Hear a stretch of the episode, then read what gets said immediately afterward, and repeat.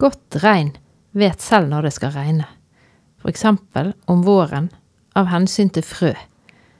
Det var Georg Johannessen sin gjendikting av et dikt av den veldig, veldig, veldig gamle kinesiske dikteren Tu Fu. Du hører på den litterære podkasten Det store i det små. Og vi er Kjersti Sandvik, journalist og forfatter. Og Grete Fatima Sayed, litteraturviter, forfatter og oversetter. Vi har fått støtte fra Litteraturhuset i Bergen, Bergen kommune. Kulturrådet og Fritt Ord. I dag skal det handle om de årsidene som noen av oss liker aller, aller best, nemlig våren og sommeren. Det grønne begynner i morgen ettermiddag, som Tufu skriver. Ja, våren den er jo òg kjent for å ruske opp i, i, ting, og det er brytningstid. Og jeg tenker på Tarjei Vesaas sin eh, 'Vårnatt', skrevet i 1954. Eh, og Vesaas er jo en sånn forfatter så du, han har en egen evne til å trekke deg inn i en stemning med en eneste gang. Ja, stemning er det ordet jeg sitter og tenker på. Ja, og, det, og den, altså 1954. Men det handler jo om 14-årige Halstein, og, som er på en måte i denne brytningstiden og på vei inn i voksenlivet. Og, og selv om den er ja, såpass gammel, eller skrevet for såpass lenge siden, så er det jo noe med den selvfølgelig velkjente det Uh, og det burde jo ikke overraske det. altså at uh, Vi mennesker er jo ikke så forskjellige. Ungdommen er ikke så forskjellige i dag som de var. Nei, og akkurat den tiden er jo veldig Altså det er jo ungdommen er jo kanskje livets vår, på en måte, da. Ja. Uh, og Vesaas Selv om egentlig så forbinder jeg sommeren mest med Vesaas, for han har òg veldig mye når det er skikkelig varmt mm. i innlandet, og liksom trykkende hete. Fuglene er det vel foregår om sommeren. Ja. Mm. Men ellers må jeg jo si at fuglene minner også ganske mye om Vårnatt i persongalleriet. Ja, det er noen som er litt utilpass, og det er et søskenpar, og han Foreldrene skal da øh, være vekke en hel dag, og disse, det søskenparene Sissel og Halsten skal være hjemme alene. Og, og han, er, han, er, sånn hyperfølsom, ja. litt sånn som så tusten i fuglene, og ja. ser tegn og sanser og liksom aner veldig mye da, som foregår si, mellom linjene. Mellom. Ja, og så kommer det dette her reisefølget og banker på døren, og så er det liv og død og fødsel og, og ei fortrolla natt, som han sier. Full pakke liv og død. Ja, og det er vanskelig. Sant? Det er, det er ikke bare bare å, å, å, gå over fra barndommen til voksenlivet, som jo da han Halsten gjør. Det er mye som kan skje i vårnatten sitt sånn halvt, halvt gjennomsiktige, blålige mørke. Ja, og, og Besos er i hvert fall ikke gått ut på dato.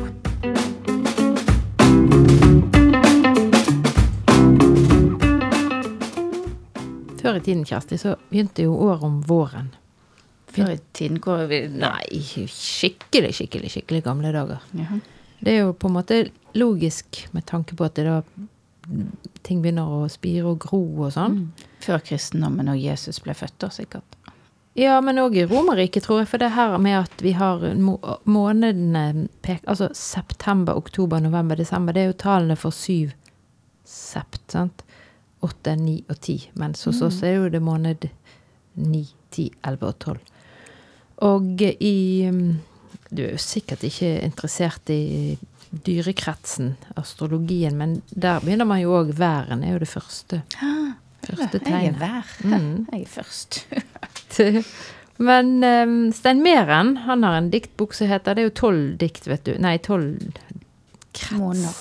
Tolv måneder og tolv tegn i dyrekretsen. Men Stein Meren har en diktbok som heter Det trettende stjernebildet ikke det er litt sånn typisk litterært? Du skal alltid bryte med ja, Helsike. Kan ikke forholde seg til verden sånn som nei, den er. Du skal liksom du skal overskride mm. begrensningene og sprenge rammene. Gjør deg så jækla spennende. så hva det trettende stjernebildet er, det, det måtte jo vi finne ut av. Det er eh, titteldiktet, da, i, som heter Det trettende stjernebildet. Da er det eh, rett og slett språket som er det her 13. stjernebildet. Da måtte jeg prøve å forstå hva men, mener han egentlig med det. det er jo ikke, språket er jo ikke et bilde. Men han sier at et nytt diktverk, sier han i dette diktet, er en ny stjerne. Og dermed så blir alle de andre konstellasjonene forandret og forskjøvet og forvandlet. Altså det, Et nytt diktverk. diktverk er en ny stjerne. Så alle diktbøker blir stjerner på himmelen? Ja, men altså, ja, forholdet mellom de, konstellasjonene, de blir nye. Og det gir på en eller annen merkelig måte mening. Jeg får nesten tak i det. At du setter krefter i spill som ikke var der på forhånd. For stjerner det er jo sånn magnetisme, og det er relasjoner mellom de, og hvor står vi, altså hvor vi står og ser på stjernene, Mm. avgjør jo hvordan de ser ut. Sant? De vil, og de forvrir seg jo med tiden òg. Men stjernehimmelen er jo Den er jo veldig egnet til å fabulere Mm. over både årstider og alt. Men vi skal snakke om våren, vi. Og Mm. sommeren. Ikke mørke vinternatten der vi Nei. ser flest stjerner. Og egentlig våren Det er jo om våren flest ble født.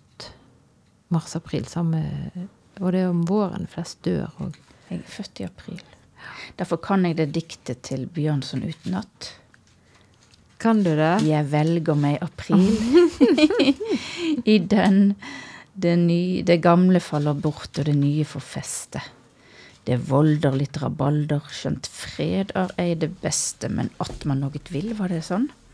Ja, du, nå har du sagt at Ja, jeg velger meg april fordi den stormer feier, fordi den smiler smelter, fordi den evner eier, fordi den krefter velter, i den blir sommeren til. Men um, det er jo ikke helt sant, da. At sommeren blir til i våren? I april. Nei, men legg grunnlaget for det, vet du. Ja.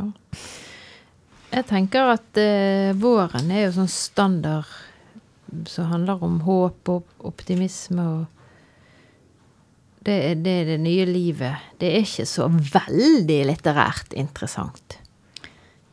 Våren? Eller? Ja. Nei, det er kanskje ikke så mange som har Ja, dikt fins nok en del.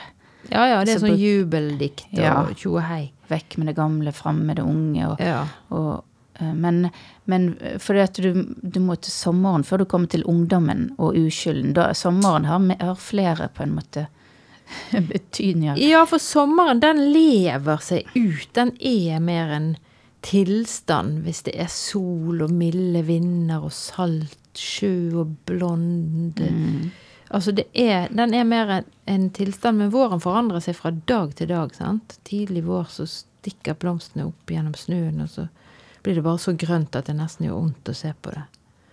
Så, men det, det jeg mener når jeg sier at det ikke er så litterært interessant, kanskje, er jo at en slags standardforestilling om at det er mer interessant å skrive om og lese om problemer, konflikter, tap Ja. og det, det blir jo Eller er det en fordom?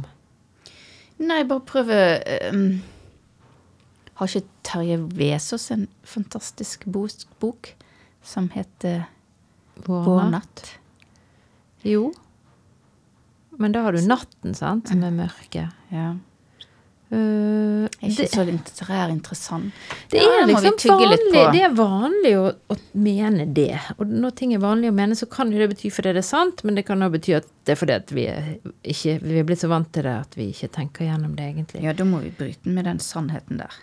Det er på tide. Ja, men eksempel kjærlighetshistorier. Hvis liksom to stykker møtes og blir forelsket, og smukk, så er alt bare flotte greier, og ungene kommer som perler på en snor, og de bor i et hus, og det, Da har du våren. det, hører, nei, men det høres jo veldig kjedelig ut. Ja, men er det våren sin feil, liksom? Nei, det, det, men det er den lyse versjonen av, av menneskelivet.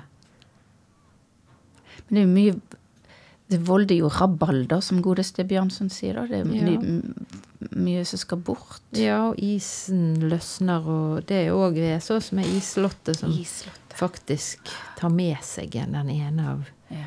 hovedpersonene når, når, eh, den, når det raser. Den er jo faktisk, det må vi si en gang til. Les Isslottet. Jeg leste den på videregående, syntes den var forferdelig. Forferdelig. Ja. Videregående, du er ikke du veldig Nei, da er du i, i din ungdoms vår. Men uansett Håp og optimisme. Det er jo ikke akkurat det at det, det, vi har forbud mot det, men kanskje disse årstidene i syklusen At det kanskje finnes andre som er mer spennende, tross alt. I hvert fall så har jeg eh, tatt med meg eh, Ali Smith i dag. Som er min, eh, ny, en av de nyeste interessene mine. Veldig positivt bekjentskap. Hun er født i 1962 i Skottland, har skrevet en årstidskvartett. Der hun først skrev høsten, det var i 2017, og så har de andre kommet i ganske rasende fart. Litt sånn herme etter Knausgård, da? Eller? Ja, det kan du si. Eh, Jeg vet ikke hvor mye hun har hermet eller om ideen er liksom up for grabs, men eh, hun har i hvert fall gjort det, og hun kommenterer fortløpende hendelser, f.eks. brexit, som har jo vært en stor hendelse i, i britisk politikk, da. Hittil så har jeg bare lest to av de fire bøkene, og leste de litt i feil rekkefølge. Jeg begynte med vårboken, 'Spring'. Men merkelig nok, så når jeg tenker på den, så syns jeg at det er en høstbok. Den foregår ganske mye om høsten.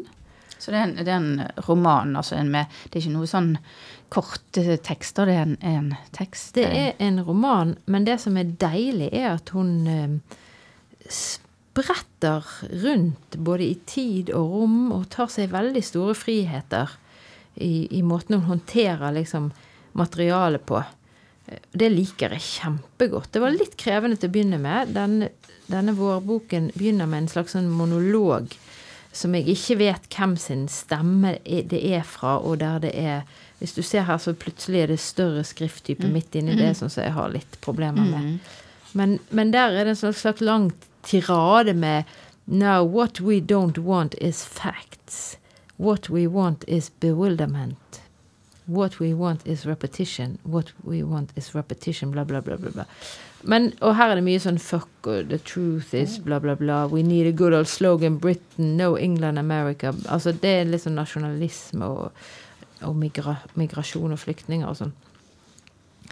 Den syns jeg var litt tung å komme forbi. Men så ble det veldig flotte historier. Og jeg sa at jeg forbinder den med høst, og det er fordi at en av hovedhistoriene for, Eller kanskje hovedhistorien foregår i oktober. Så for meg kunne egentlig hele boken hett 'Oktober'. Men eh, som jeg sa, så tar hun seg friheter. Her er mange tråder.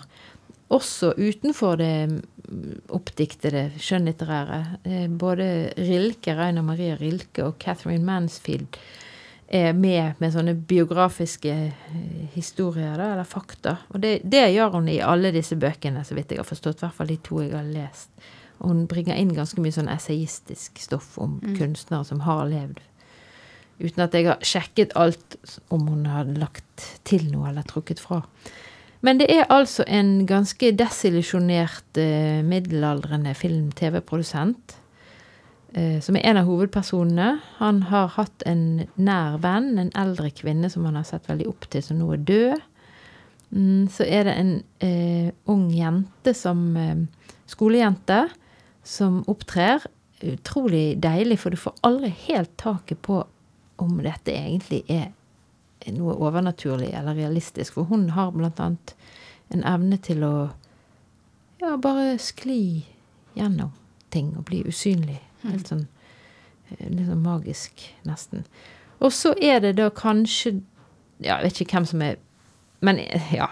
Siste av hovedpersonene da er en ung kvinne som jobber som vakt på et asylmottak. Og her òg er det litt sånn deilig brudd. Fordi at hun er Alice Smith hun, Du vet, i gamle dager så var jo det sånn på 1700-tallet. Og nå, kjære leser, skal vi forflytte oss eh, til eh, gården ved bla, bla, bla. Sant? Men det er ikke sånn hun gjør det. Men hun er, har den type sånn helt suverene fortellerautoriteten som gjør at hun kan hoppe fra tid til tid og sted til sted, og som gjør at hun kan bryte med hva som er realisme, og hva som er eh, forventet på en måte atferd inni et litterært univers. Så det er nesten en dystopi, vil jeg si, til tider. Kanskje er det det til og med, men der er det rom for mye samfunnskritikk. Sant? Dette asylmottaket er jo virkelig Jeg å si jeg håper at det er en dystopi. Jeg håper nesten at ikke det er eh, sånn det er, for det er ganske kjipt. Eh, men så er det òg mm, rom for dette magiske, forheksede eller forvandlende. Altså de mulighetene i fantasien. Mm. Husker du på hva var det? 80-90-tallet så var det dette med magisk realisme. I hvert fall var jeg Mm. veldig opptatt av det i søramerikansk litteratur. Jeg kunne selvfølgelig ikke fordra det. Der har du meg og deg, du, i et Ja, men, men eh, litt sånn at uh, boken har sitt eget univers og, så du, og regler som du bare godtar uten at det har noe med hva som skjer i virkeligheten å gjøre. Mm, men det er det, det er det jeg har liksom problemer med. For da blir det en sånn adskilt virkelighet. Det fins jo helt sikkert forbindelser, men Men grunnen til at jeg aksept- aksepterte det Jeg studerte jo spansk på den tiden. Og, og, og, og det er noe med, liksom, med kulturen der som er den, det, det er liksom en videreføring av kulturen der. Der, der, ånd- altså, de, der har de jo De dødes dag og Ja, ja, ja. alt sånn. Så der er det, det er ikke noe sånn påklistret med det. Så det kanskje fungerte på en annen måte i det spanske publikum enn sånn som jeg i hvert fall oppfattet det her. For jeg oppfattet det liksom sånn Å, så gøy! Her kan alt skje! Uh, uh, uh. Da, da mister jeg interessen, altså. Mm. Men det er interessant, fordi at det her med øh, Er sp- er spanjoler mer overtro Eller søramerikanere? Nei, men altså, de, de på en måte De har jo en, eh, en fortid sant, der du bringer inn mange forskjellige kulturer. Ja, En miks av kulturer. Så henter du litt herfra og derfra. Og, Mm. mm. For sånn som Islendinger er jo overtroiske. Og da blir jo det noe helt annet, det med natur, levende Mm. natur. Som egentlig er Ja, det er superinteressant. Men, men det jeg tenkte på med eh, med denne boken, da, var at dette her er vårlige Hvis vi kan sette vår er lik håp, er lik muligheter, så er jo det òg en politisk dimensjon. For én En ting er at hun kritiserer f.eks. behandlingen av asylsøkere i asylmottak, men hun åpner jo også for at alt er egentlig mulig. Endring er mulig, forbedring er mulig. Mm. Og det, hvordan tenker du de eh, magiske realistene fra Sør-Amerika, har de den dimensjonen?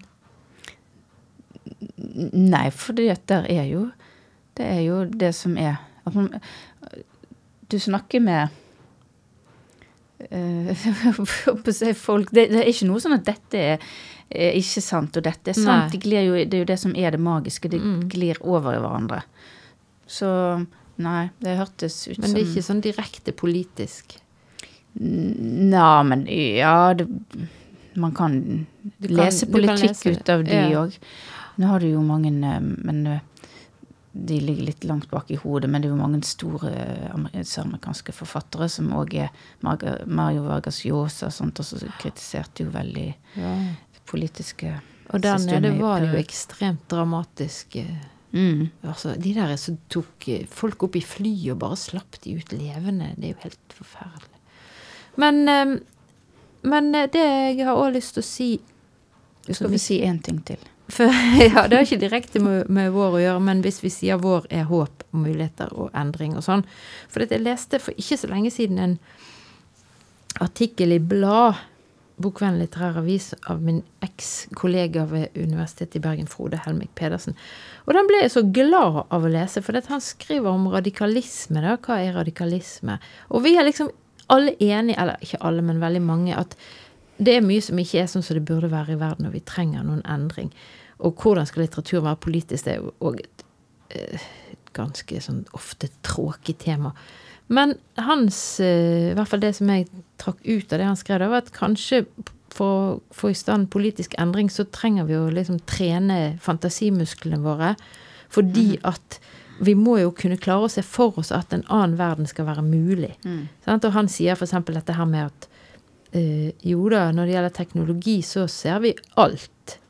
Flygende biler og evig liv og mat, piller istedenfor mat. og Flytte til Mars og ja, Men når det gjelder en annen verdensordning som ikke er så destruktiv som den vi har nå, så er liksom nei, da kan vi ikke Da må alt bare være sånn som det er. og liksom sånn. Så det var mitt poeng, siste poeng i denne omgang, at vi kanskje vi trenger litteraturen for å rett og slett trene oss opp til å bli bedre, mer visjonære, mer modige i fantasien. Absolutt. Mm. Den skåler vi for. Ja, Når eh, la oss gjøre det. Men hva var det du satt her og brant inne med? Å, det er en fantastisk bok. Så heter det, Og den eh, blir tolket helt annerledes, men eh, jeg tenkte på den som en liten sånn sommerbok. Det er Thomas Mann, 'Døden i Venedig'. Så det er død og fordervelse, og det er sykdom, som sikkert mange forbinder med den. Men, men det, vet du hva, dette her er jo en sånn Bokklubben-bok.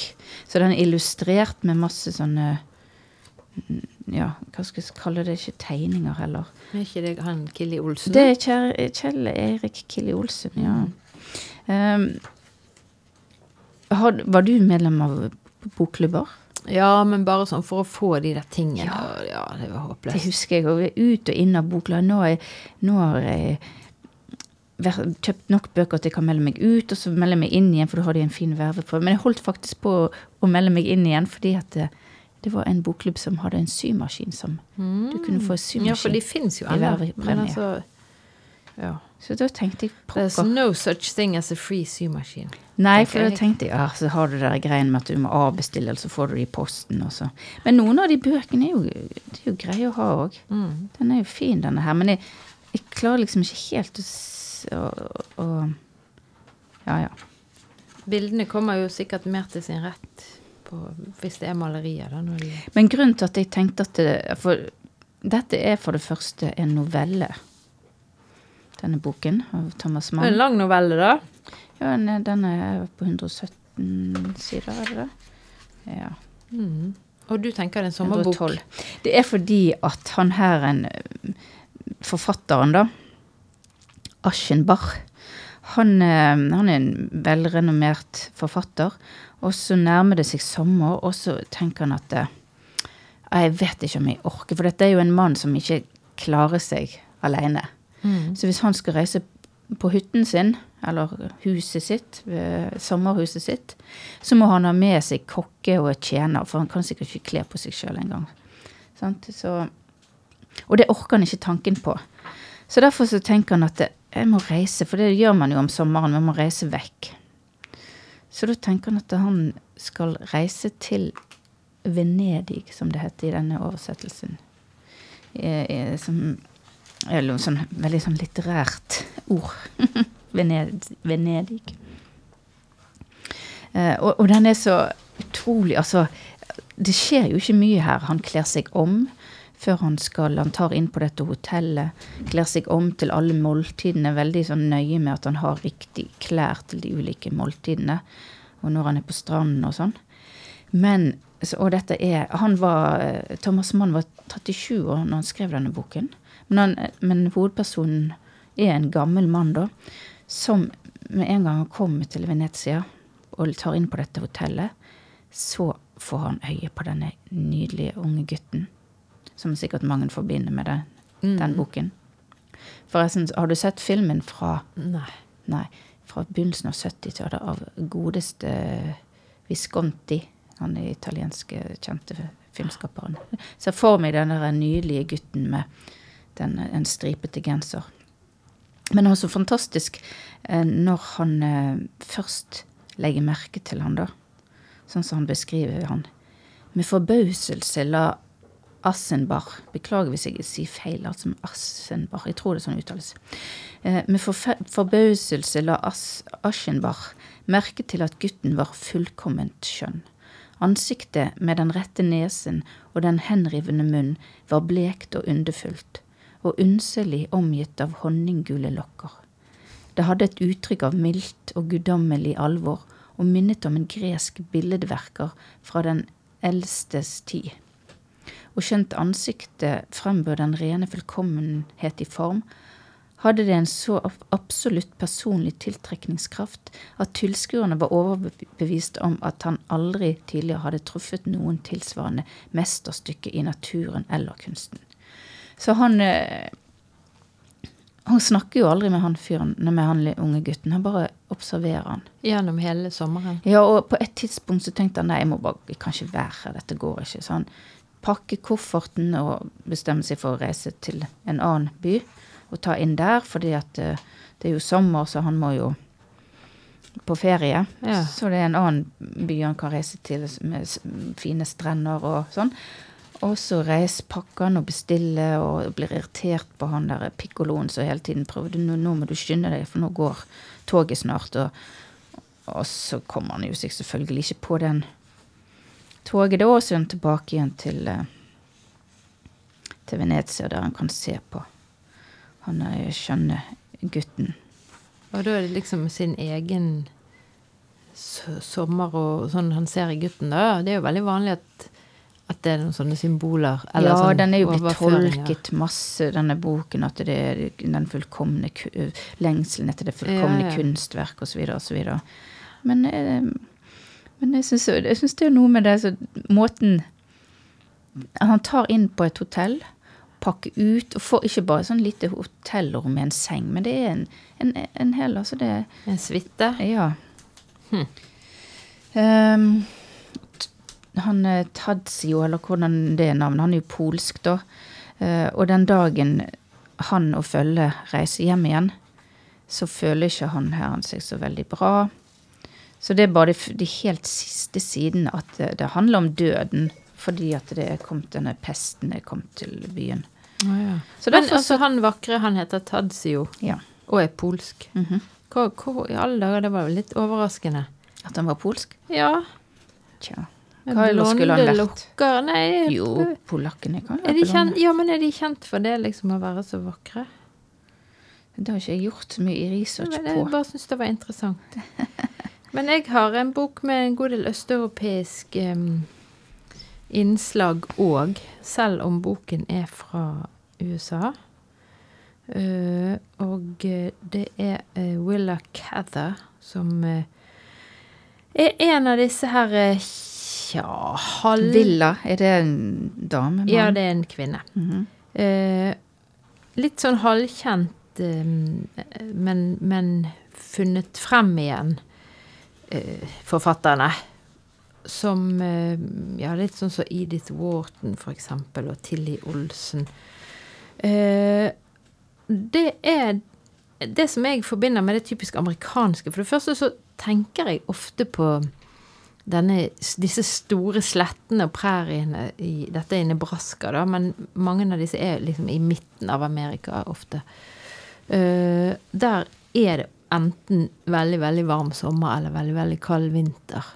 Det er maisåkre og sånn ja, hvete. Men prærien Det kan være frost, og det kan være hete, men det er ikke noe sånn midt imellom. Og, og denne som heter Boken heter Mai, og så er det Jeg ville jo sagt Antonia, da, men det er faktisk en note her i første uh, setningen som sier at uh, det skal uttales an, Antonia, eller noe sånt. Antonia. Og det er også Bohemian, som det står, altså Bø, bø, fra Bøhmen. Og så er det veldig mange skandinaver her, norske innvandrere til USA, og der er eh, ja, sånn østeuropeere. Det er liksom den delen av USA. Den syns jeg er veldig fin, altså. Eh, koste meg skikkelig når jeg leste mm, hvordan de holdt på her med besteforeldrene og byggverk og Det er noe med USA som Vi er jo oppvokst med filmer og bøker. Mm. Og det du ser for deg sånne her gårdshus med sånn uh, veranda på fremsiden og de her vognene med høy på. Så den syns jeg var veldig fin. Og så har jeg òg Men er det da sånn at det er sommeren på en måte så har en viktig rolle der? Nei, det er ikke sommer hele tiden, men det er i mitt, mitt minne så er det blitt en sånn sommerbok. Eh, For hun Edith Wharton som jeg eh, nevnte, hun har en bok som heter Sammer, men, men det er mer i nord, eh, litt nordligere strøk av det er vel Massachusetts. Og der får jeg mer Der får ikke den der eh, Dette er bare helt subjektivt, men der får jeg mer sånn høstfølelse. Men, men denne boken, Mai Antonia, den er for meg blitt en, en sommerbok. Så den vil jeg gjerne anbefale å lese. Ja. Men sommeren, altså hvis vi skal ta de der eh, fire årstidene, da, eller Mm. Så skal vi utpeke, liksom rangere hva som er det mest litterære årstiden. Til, til eh, Altså som på en måte kan brukes for å fortelle historier om livet. Hva er det som egner seg best til det? Alle unntatt våren. Høsten. Jeg stemmer for høsten. Du stemmer for høsten? Liksom, ja, jeg vet ikke. Det er jo Vi er jo litt opplært til det, da, vil jeg påstå. Men vår, det er jo litt asymmetriske årstidene, for vår og høst er jo overgangsårstider, mens sommer og vinter er mer. Så de tjener litt ulike formål. Til å beskrive en tilstand, så syns jeg sommer og vinter er bedre. Men til å beskrive utvikling og endring, så er jo kanskje høst og faktisk vår. Men jeg er ikke så sikker på om vi har fire årstider heller. Nei, og så er det veldig relativt, sant. I mange deler av verden, f.eks. Nil, så sår man jo om høsten og høster om våren. Sant? Ordet høste er jo høst og høste, det har jo med innhøsting å gjøre for oss.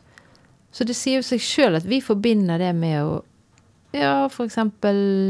overflod, takknemlighet. Vi må liksom spare ting til vinteren og forberede oss til vinteren.